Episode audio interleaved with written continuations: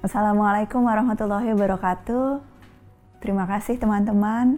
Sudah hari ke-28 hari ini Abi dan uh, kebersamaan kita di Hidup Bersama Al-Quran edisi khusus Tafsir Al-Misbah ini mudah-mudahan sudah membuahkan banyak manfaat untuk teman-teman.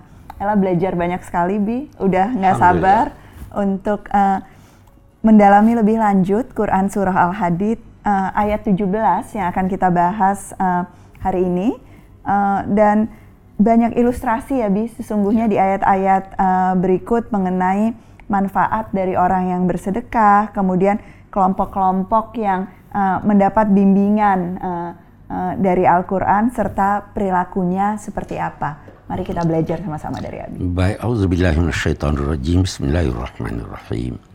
Ayat kita lanjutannya ayat 7. Ya'lamu annallaha yuhyil arda ba'da mautiha. Ini ayat punya kaitan yang sangat erat dengan ayat sebelumnya yang berbicara tentang khusyuk. Betul. Eh, ada dua hal yang tergambar dalam benak Abi sekarang. Eh, kita katakan bahwa eh, ayat ini dinilai oleh sementara ulama, sementara sahabat empat tahun setelah itu. Sudah tahun. Sudah setelah masa kenabian ya. Setelah masa kenabian dan bahwa ini semacam kecaman kepada orang-orang yang belum mantap imannya. Okay. Eh, Abi mau berkata begini dari satu sisi, kita sekarang salah kaprah di dunia Islam. Kita sering kali beri orang yang sudah lama masuk Islam mu'alaf. Masa seumur hidup mu'alaf? Iya. Orang bisa jadi ada yang mu'alaf tadinya, sekarang sudah imannya sudah sangat kuat, Betul. bisa jadi lebih kuat dari kita-kita ini yang, yang tidak pernah jadi mu'alaf. Yang sejak lahir sudah ah, Islam. Ya, itu satu. Betul. Jadi eh, tidak usahlah. Di sisi lain mereka yang baru masuk Islam hendaknya berusaha untuk eh, lebih mantap keimanannya dan sebagainya. Dan berusahanya dengan berzikir ini ya, yang ah, diungkapkan. Nah, terus sekarang i'lamu annallaha yuhyil arda ba'da. Orang yang tidak khusyuk, orang yang tidak zikir, hatinya mati. Jadi kalbu itu bisa mati. Kalbu itu bisa mati. Nah, kalbu bisa mati. Apalagi kalau masa berkepanjangan tidak pernah dibangunkan. Tidak nah, ada pupuknya, tidak, ada tidak pupuknya. dibuat subur, Wah. tidak uh, dapat peringatan. Betul. Nah, maka Allah memberi ilustrasi. Ketahuilah bahwa Allah menghidupkan tanah setelah kematiannya. Bagaimana dihidupkan? Allah menurunkan hujan. Kalau begitu, hati kalau mau hidup, maka curahkan air-air zikir, air-air peringatan, dia bakal hidup. Karena itu juga ilustrasinya supaya hati nggak membatu ya, Bi. supaya kalbu nggak gersang, disirami dengan uh, zikir dan ayat ah, Allah. ah. Terus yang kedua, di sini dia katakan bumi yang mati dihidupkan. Kamu juga wahai manusia yang mati akan dihidupkan Allah. Jadi punya kaitan. Di sisi lain, kalau mau khusyuk ingat mati. Betul itu ada ayat di dalam Al-Quran eh, yang menyatakan bahwa eh, apa itu ayatnya eh, eh, insya Allah teringat sebentar eh, bahwa eh, sholat sabar itu berat kecuali untuk orang-orang yang khusyuk Ista'inu bis sabri was salah fa innaha lakabiratun illa 'alal khashiin alladzina yadhunnuna annahum mulaqu rabbihim. Yang khusyuk itu adalah orang yang yakin yang percaya atau yang menduga keras bahwa dia akan bertemu dengan Allah. Itu sebabnya kalau di dalam sholat, sebelum sholat, biasa imam itu berucap begini, Sallu salat muaddi. Salatlah seakan-akan hmm. ini salat terakhir. Saat terakhir kamu oh, itu akan khusyuk sekali itu. Betul. Coba okay. bisa dipraktekkan mulai hari ini. Setiap sebelum sholat bayangkan ini sholat terakhir kita. Oke. Okay. Eh,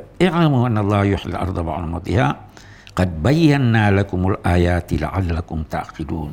Sungguhnya kami telah menjelaskan kepada kamu tanda-tanda petunjuk-petunjuk yang mestinya kamu jadikan eh, eh, peringatan agar supaya kamu ta'qilun. Apa artinya ta'qilun? Apa artinya? Berakal. Berakal. Sebenarnya akal yang dimaksud di sini bukan daya pikir. Akal itu dalam bahasa eh, eh, tali, tali yang mengikat. Tali yang mengikat itu menghalangi untuk melakukan sesuatu. Nah, jadi akal itu dinamai akal karena dia berfungsi menghalangi seseorang terjerumus di dalam kesalahan. Nah, itu sebabnya di surat Tabarak ada dikatakan laukunna nasma'u aw naqilu ma kunna fi ashabis sa'ir. Seandainya kami mendengar, mematuhi dan berakal, kami tidak akan masuk ke dalam neraka. Jadi fungsi akal itu menghalangi Anda untuk melakukan kesalahan. Nah, ini di, di ini bukan supaya kamu berakal, ini tapi supaya pada akhirnya innal musaddiqina wal musaddiqat Diulang Ini- lagi. Ah, ah. Laki-laki dan laki-laki dan perempuan. laki-laki dan Ah, pensedekah perempuan. Di sini ada ayat bilang sedekah bagus nih musaddiqina. Ada yang baca innal musaddiqina wal musaddiqat. Musaddiqina yang bersedekah. Musaddiqina yang membenarkan ajaran-ajaran yang dibawa Nabi. Beda kan? Beda. Oke. Kalau kita berkata al-musaddiqina wal musaddiqat yang bersedekah, maka kata aqradullah qardan hasanan itu mirip maknanya. Betul.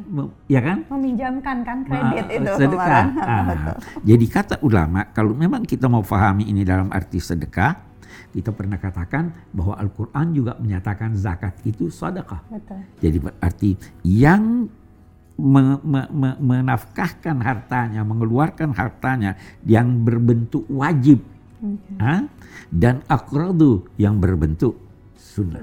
Ah. Eh, pendapat yang lebih bagus itu yang membacanya eh, eh, al-musaddiqin yang percaya, Yang pembenaran jadi. yang membenarkan ajaran-ajaran agama ini. Kenapa demikian? Katanya Oke. karena di sini ada ganjaran melipat gandakan dan akan mendapat ganjaran yang ini. Mereka berkata, orang yang tidak percaya yang bersedekah. Itu sama aja bohong ya.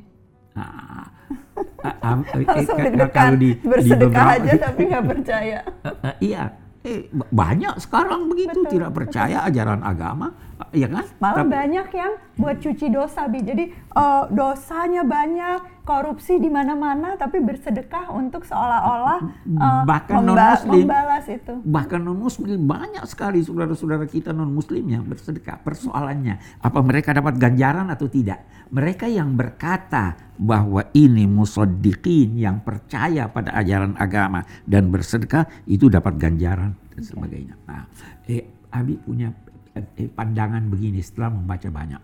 Siapa pun yang memberikan bantuan kepada orang lain, muslim atau non muslim, dia dapat ganjaran. Hanya saja bisa jadi ganjarannya itu di dunia. Betul. Kalau yang ini di, Di dunia akhirat. dan di akhirat. Oke, Ustaz. Walladzina amanu billahi wa rusulihi dan orang-orang yang percaya pada Allah. Allah Ya dan Rasulnya. Dan rasul-rasulnya. Rasulnya. Ah, Rasul-rasulnya. Jangan hanya percaya Nabi Muhammad, percaya Nabi Isa, percaya Nabi Musa, percaya Nabi semua rasulnya Betul. yang yang wajib kita ketahui, kita percaya kebenaran mereka itu apalah adalah yang disebut dalam Al-Qur'an. 25 orang rasul. 25 Rasul yang disebut dalam Al-Quran. Tetapi sebenarnya ada lebih dari itu. Betul. Ulaika humus siddiquna wasyuhada inda rabbihim. Mereka itu adalah orang-orang as-siddiqun. Orang-orang yang mantap pembenarannya. Jadi jujur di dalam hati, Ya. tapi kemudian jujur dalam perbuatannya dalam juga. perbuatannya yang ah, ada yang mengartikan yang percaya secara langsung apa yang disampaikan oleh Nabi. Nah, kita di dalam eh, Islam itu Sayyidina Abu Bakar As-Siddiq, Betul. ya toh? Eh, kenapa? Karena waktu orang berkata, eh itu Nabi Muhammad pergi Isra Mi'raj, apa kamu percaya? Dia langsung berkata, kalau dia yang berkata saya percaya. percaya. Maka diberilah dia as-siddiq. Nah, eh, tetapi ada ulama berkata, di sini as-siddiqun itu banyak. Ah, Jadi ada di antara ulama Islam yang berkata bahwa dalam Islam itu ada delapan siddiqun. Ada eh, Sayyidina Abu Bakar, Sayyidina Ali, Talha, Zaid, ada delapan, Abi tidak ingat semuanya, tetapi pendapat yang lebih bagus adalah semua orang yang percaya secara tulus itu dinamai siddiqun. Nah, selain asidikun, ada juga penjelasan tentang kelompok kedua yaitu asyuhada. Asyuhada. Kita akan lanjutkan, jangan ke mana-mana, tetap di Hidup Bersama Al-Quran, edisi khusus dari Tafsir Al-Muslim.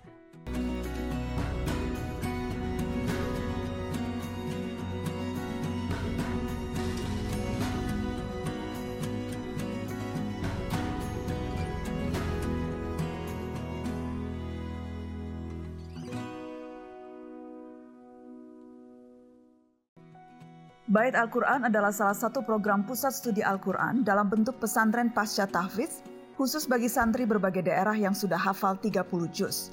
Sama seperti program PSK lain, pesertanya terpilih dan mendapat beasiswa, diberikan pendidikan dalam bidang tafsir, kajian keislaman lain, dan pembekalan kewirausahawan. Alumni Bait Al-Quran kembali ke pesantren dan kabupaten masing-masing untuk menjadi penggerak Islam moderat di kampung halamannya di penjuru Nusantara.